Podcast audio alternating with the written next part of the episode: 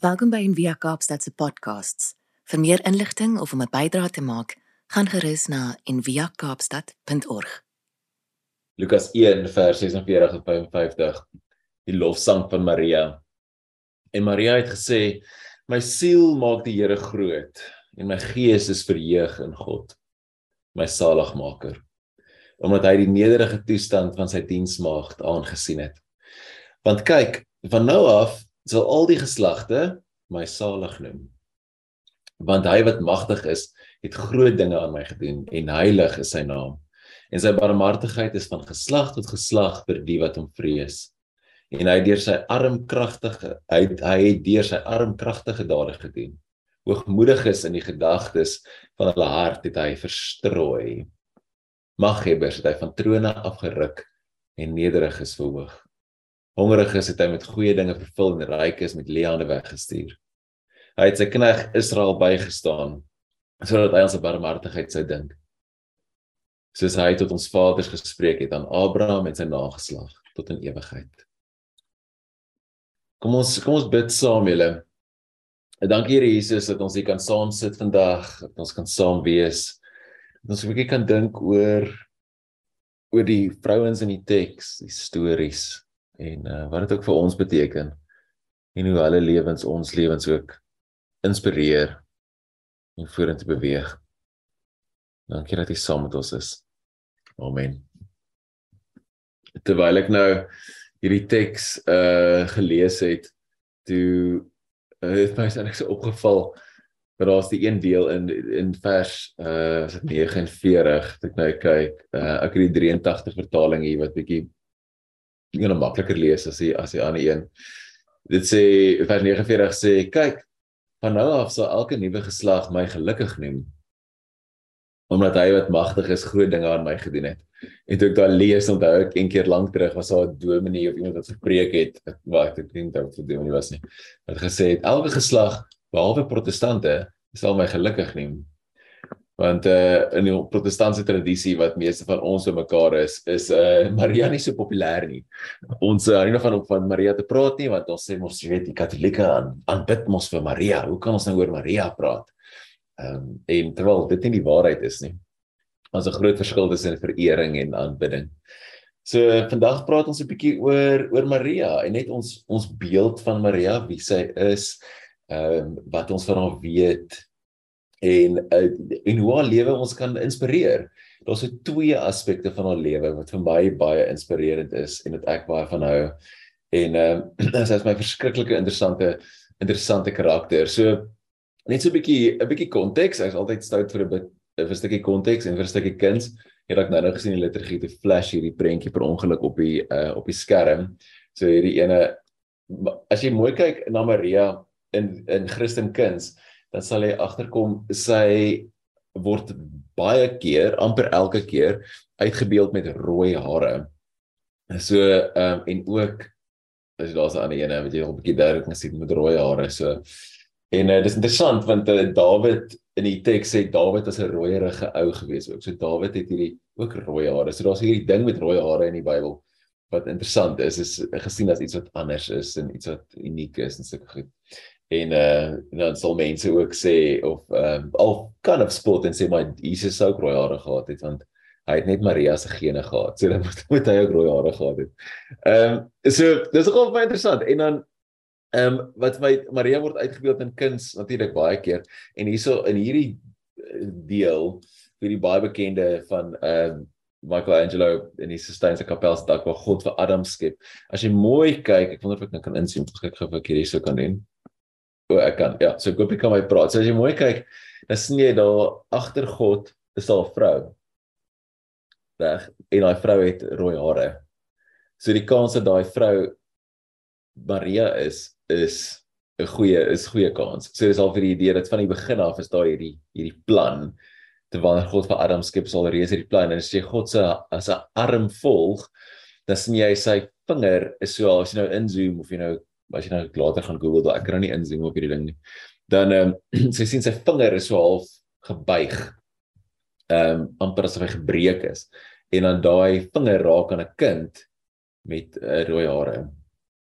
so wat heel moontlik die Christuskind kan wees. So dis hierdie idee dat hierdie die die die pyn van die van die van die kruisiging, van die dood van Christus is is al reeds simbolies daar in die skepping en dan Maria ook daar in die skepping vir dis vier woorde. Dan ek nogal by telling ding van hoe ehm um, hoe belangrik sy eintlik is in die hele in die hele verhaal.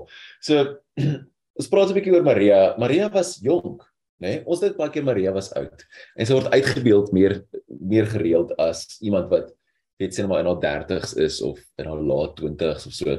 Maar Maria was jonk. Sy sou ehm um, as, as ons Joodse tradisie volg, Joodse meisies het getrou ehm um, met hulle met puberteit, wanneer puberteit begin het, so met as hulle 12, 13 daar daaroond was. Ehm um, so dit sou nie anders wees as wenig met Josef en Maria nie. Kyk, hulle was al reeds verloof voordat die engel by Maria aangekom het. So die kans was dat Maria was seker so 13, 12, tiener meisie. En uh Josef is eens 'n bietjie ouer toe hulle getrou het. Hulle is gewoonlik so 15, 16 daaroond. Ehm um, so kinders in ons oë, kinders, kyk, antieke kultuur is bietjie anders dan in 'n antieke kultuur het jy vinniger groot geword. Ehm uh, want jou lewens, mense lewensverwagting was ook so lankie. Maar daai beeld van hierdie tiener meisie wat ehm um, swanger word en nou al hierdie goeders moet moet hanteer en verwerk en aan aan dink en en dit is nogal eintlik dis eintlik altyd so groot en interessant. Dit blaas net my kop heeltemal oop.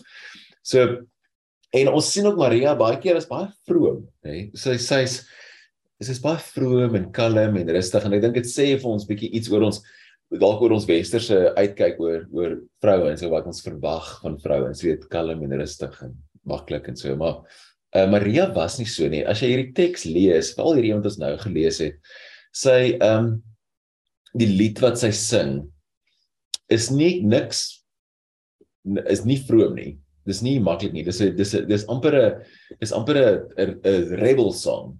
Ek sit nou net en kyk weer Miriam Makeba het so 'n sang gehad. Ehm um, ek kyk hierdie naam hier iewers.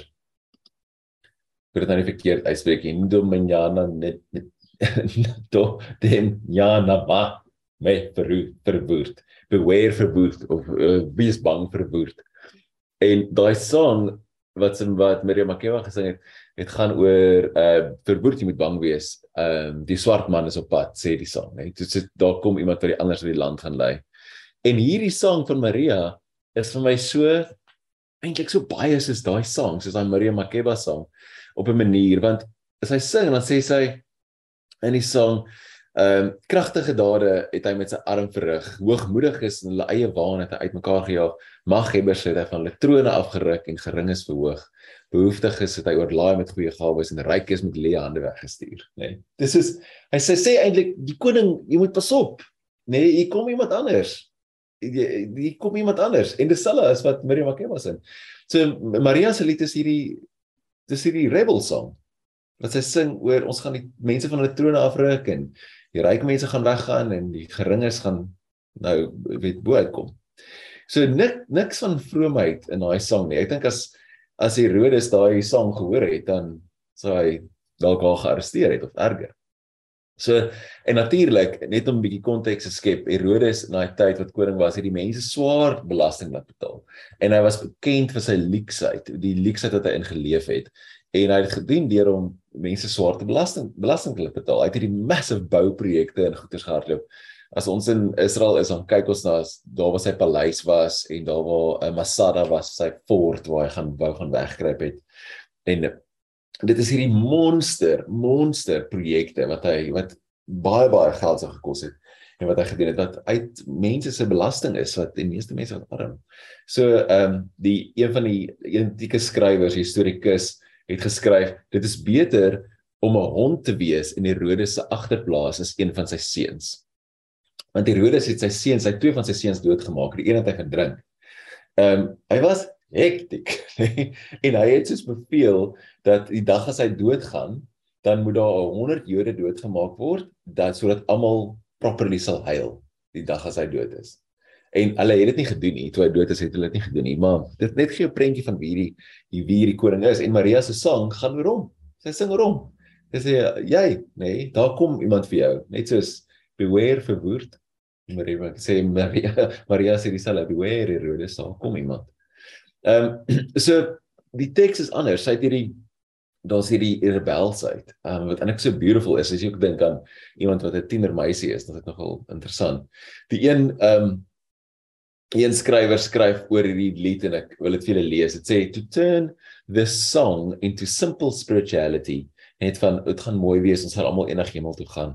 Strips it of its meaning and leaves injustices personified by Caesar Augustus and Herod the Great on on the throne.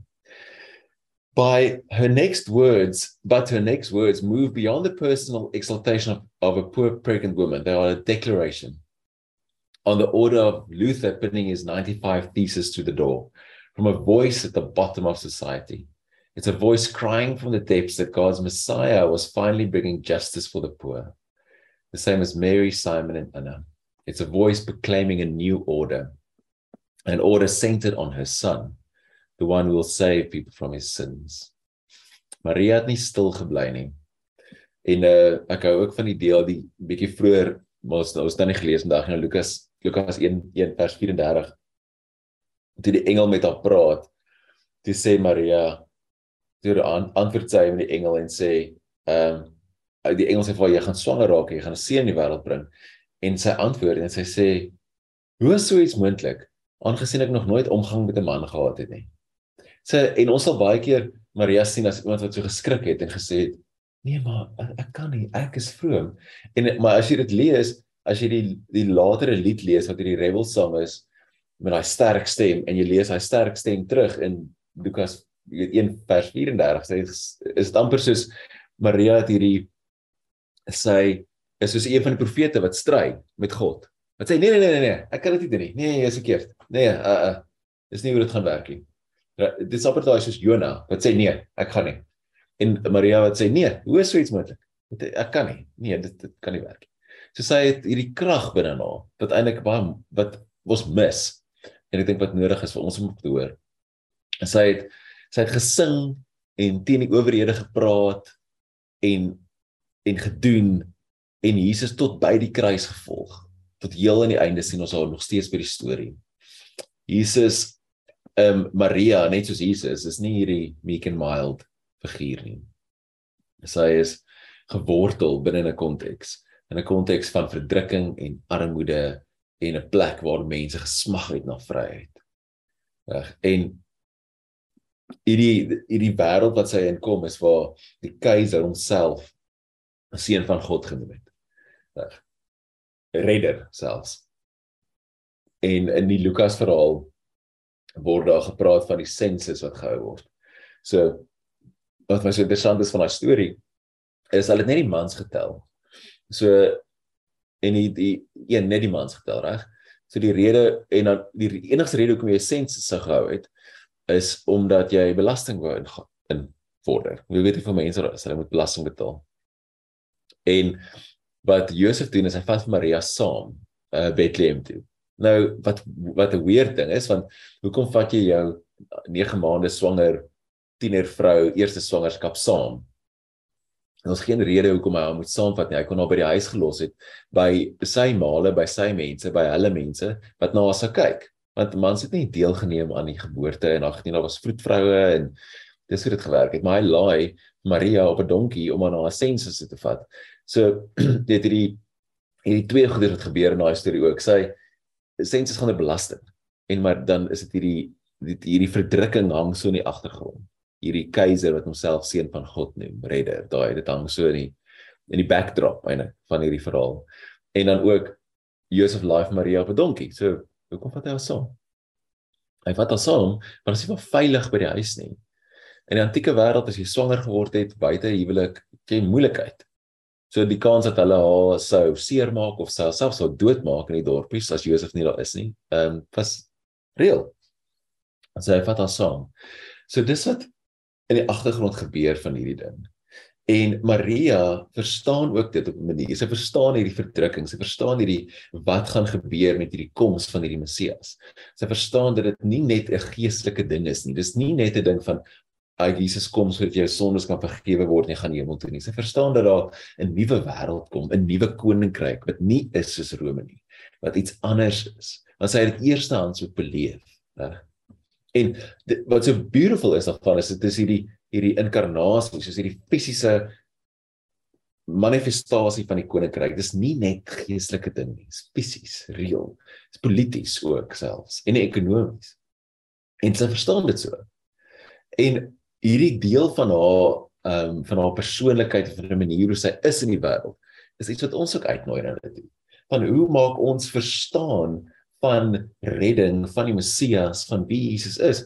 Hoe speel dit af in ons fisiese lewe, in ons politieke lewe, in ons ekonomiese lewe? Maak dit saak of is dit net ietsie wat jy op 'n Sondag doen of op 'n retreat of in jou stilte tyd in die oggend of iets of maak dit 'n verskil in hoe jy dink oor oor geld en politiek en regerings en en ehm um, verdrukking en maak dit 'n verskil. Want dit moet. Ja. En dis wat vir my so mooi is daarvan en so mooi is van Maria. En ook Maria is baie weet ook besorg oor die, die details van die lewe, die die fisiese goed. So die die verhaal in Johannes 2, Jesus se eerste teken, eerste wonderwerk, eerste teken waar hy die water in die wyn verander. En dit was Maria wat hom toe gegaan het om gesê het hoorie hulle wyn is klaar en sy is die een wat en dan sê Jesus vir hom my tyd het nog nie gekom nie maar dan sit hierdie vreemde ding aan doen hy in elk geval wat sy gesê het hy moet doen en daar's hierdie weird um interaksie of dinamika tussen Jesus en Maria wat sy is nog steeds sy ma en sy sê nog steeds vir hom wat om te doen en sy weet wanneer om hom so 'n bietjie te druk weet jy is daai ding van 'n ma wat weet wanneer om 'n kind net so 'n bietjie te druk en te sê kom nou. Weet, shape nou. Dis nou hier is nou jou tyd. Jy moet dit nou doen. Ons wag nou vir jou. Staan nou op, doen jy ding. En Jesus doen dit en hy luister vir haar. Dis net vir my so mooi. En dit sê en dis 'n troue met wyn en natuurlik die die die die vriende en die familie van Maria wie se troue dit was. Hulle sou baie vernederd gewees het as die wyn klaar was. So sy gee om oor dit. Oor soos die praktiese goed van die lewe vanaf die politieke strukture van die dag, ekonomiese strukture tot by die wyn vir die troue. En ons mooi daarin om te sê dat ons spiritualiteit, Christelike spiritualiteit is nie iets wat net metafisies is nie of iets wat net geestelik immaterieel, weet immaterieel is nie. Dis dis reëel en eg en dit maak saak in die dag tot dag goeders in die in die politiek en die ekonomie en ook die wynkoop en vriende en troues en dit is dit was 'n fisiese geit daaraan wat beautiful beautiful is en nie iets wat ons kan vergeet nie. Ons lewe nie in hierdie dualistiese wêreld van die fisiese is sleg en die geestelike is goed nie. Dis alles vermeng en alles is bymekaar. En alles kom weer na mekaar toe. Die die die God se redding gaan nie net oor om hemel toe te gaan nie, maar dit gaan oor die die samevoeging van alle dinge weer die samevoeging van die skepping, die restaurasie van die skepping van ons van 'n verhoudings aldag te saam. En as jy by daai punt wil uitkom, is Jesus die pad om te gaan. Daai is die punt, reg. So die ander deel van Maria en dis so miskien dalk 'n bietjie van 'n paradoks, maar dalk ook nie regtig nie. Is Maria waar sy uitgebeeld word in die teks as iemand wat wat amper kontemplatief is wat wat oordink wat nie swaar kry vir my nie wat goed in haar hart bære. Die teks ook in Lukas bietjie later wanneer die skaapwagters kom en hulle kom en hulle kom sien hierdie nuwe koning. Dan aan die einde van daai deeltjie dan sê dit en Maria ek gou van die Engels Mary treasured all these things and pondered them in her heart. Is daai hierdie meditatiewe beeld wat ons skryf van haar wat sy sy oordink dit vir die Afrikaans sy bære dit in haar hart en oordink dit en wat gebeur het in daai toneel skaapwagters kom so skaapwagters was baie lae vlak van die samelewing ehm um, in die eerste eeu daai rondom daai tyd mag hulle nie in die hof getuig het nie dis so die groot ironie van daai teks is die skaapwagters mag nie in die hof getuig nie want hulle het gesê die ehm um, leiers gesê skaapwagters lieg altyd weet hulle lieg mos altyd. So hulle mag nie hof getuig nie, maar God maak die skaapwagters die eerste getuies van Jesus se geboorte. Dis is hierdie irony. En Maria sien dit en sy sê hierdie is interessant. Dalk is hierdie anders. Dalk is hierdie meer as wat ek gedink het.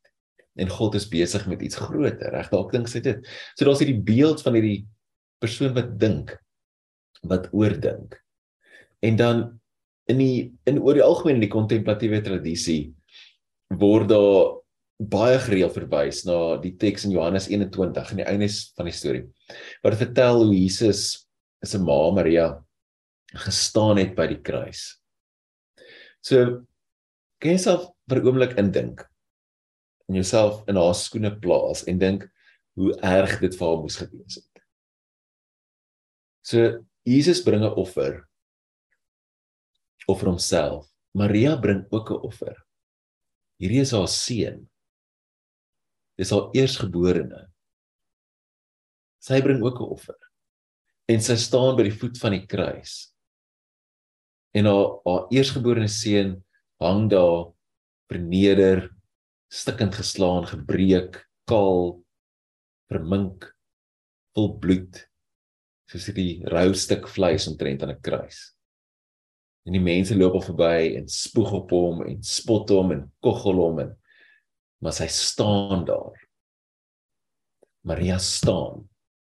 En daai beeld, sy sy sy val nie, sy val nie neer en huil en ween en sy staan daar en sy aanvaar wat besig is om te gebeur. Hoe absurd en hoe moeilik dit ook al mag wees. En op 'n manier het sy seker verstaan dat hierdie nodig was. Dat dood en bloed en pyn nodig is vir lewe om te kan gebeur. Dalk is dit nodig. Ek het ek het 'n stukkie oor dit geskryf is 'n paar jaar terug in een van my vorige boeke en toe het 'n uh, vriendin van my wat kort na dit is toe gediagnoseer met kanker en sy skryf vir my lang e-mail geskryf van hoe baie hierdie beeld van Maria vir haar beteken het om te staan in jou pyn om nie te probeer dit oplos of of te probeer veg daarteen of maar te staan en dit te aanvaar En dis 'n groot deel van wat kontemplatiewe spiritualiteit is, is om te aanvaar dit wat besig is om te gebeur. En om te verstaan dat die Here deel daarvan is, hoe absurd en hoe moeilik en hoe vreemd dit ook al mag wees. Dat God op sy op sy mees teenwoordigste is in absurditeit en goed wat nie altyd sin maak nie en in pyn. So ons het Ons het twee uitnodigings hier in Maria se lewe. Die een is om om te staan om te staan en dit te oordink, stil te raak. En die ander uitnodiging is om is om om te gee oor ons wêreld. Om om te gee oor ons oor ons land, oor ons stad, op 'n praktiese manier op om op 'n politieke ekonomiese manier tot by partytjies en gasvryheid.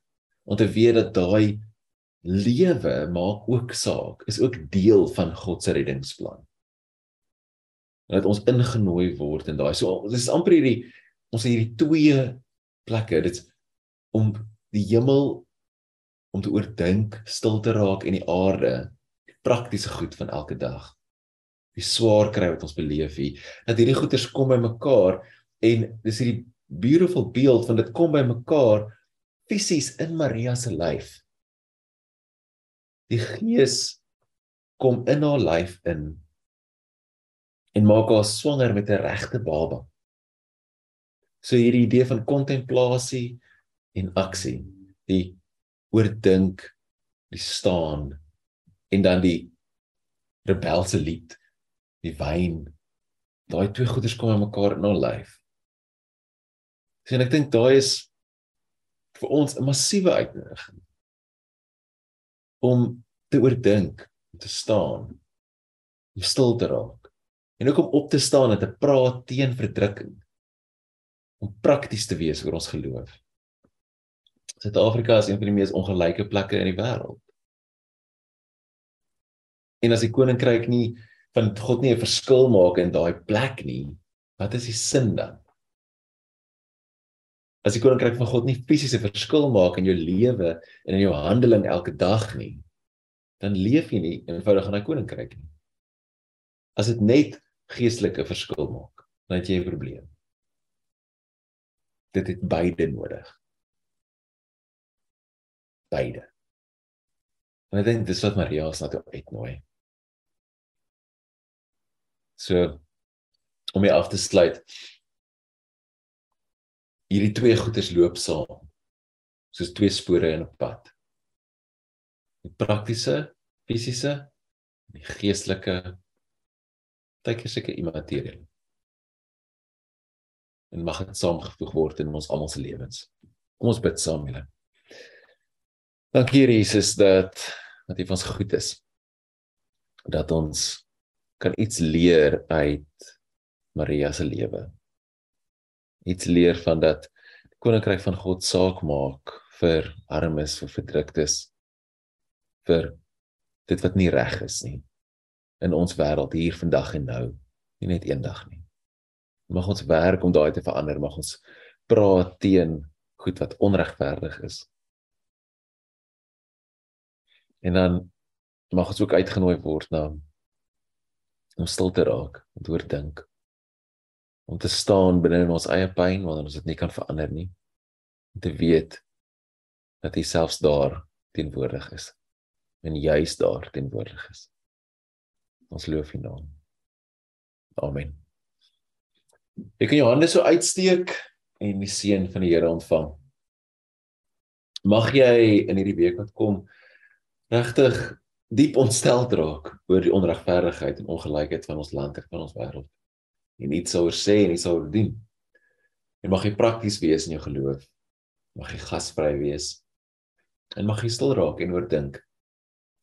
En mag jy ook as jy dalk pyn beleef en onsekerheid in dit staan en weet dat God teenwoordig is selfs binne in daardie absurditeit. In die naam van die Vader, die Seun en die Gees gaan in vrede. Amen. Dankie dat jy saam geluister het vandag. Besoek gerus en via kaapstad.org vir meer inligting.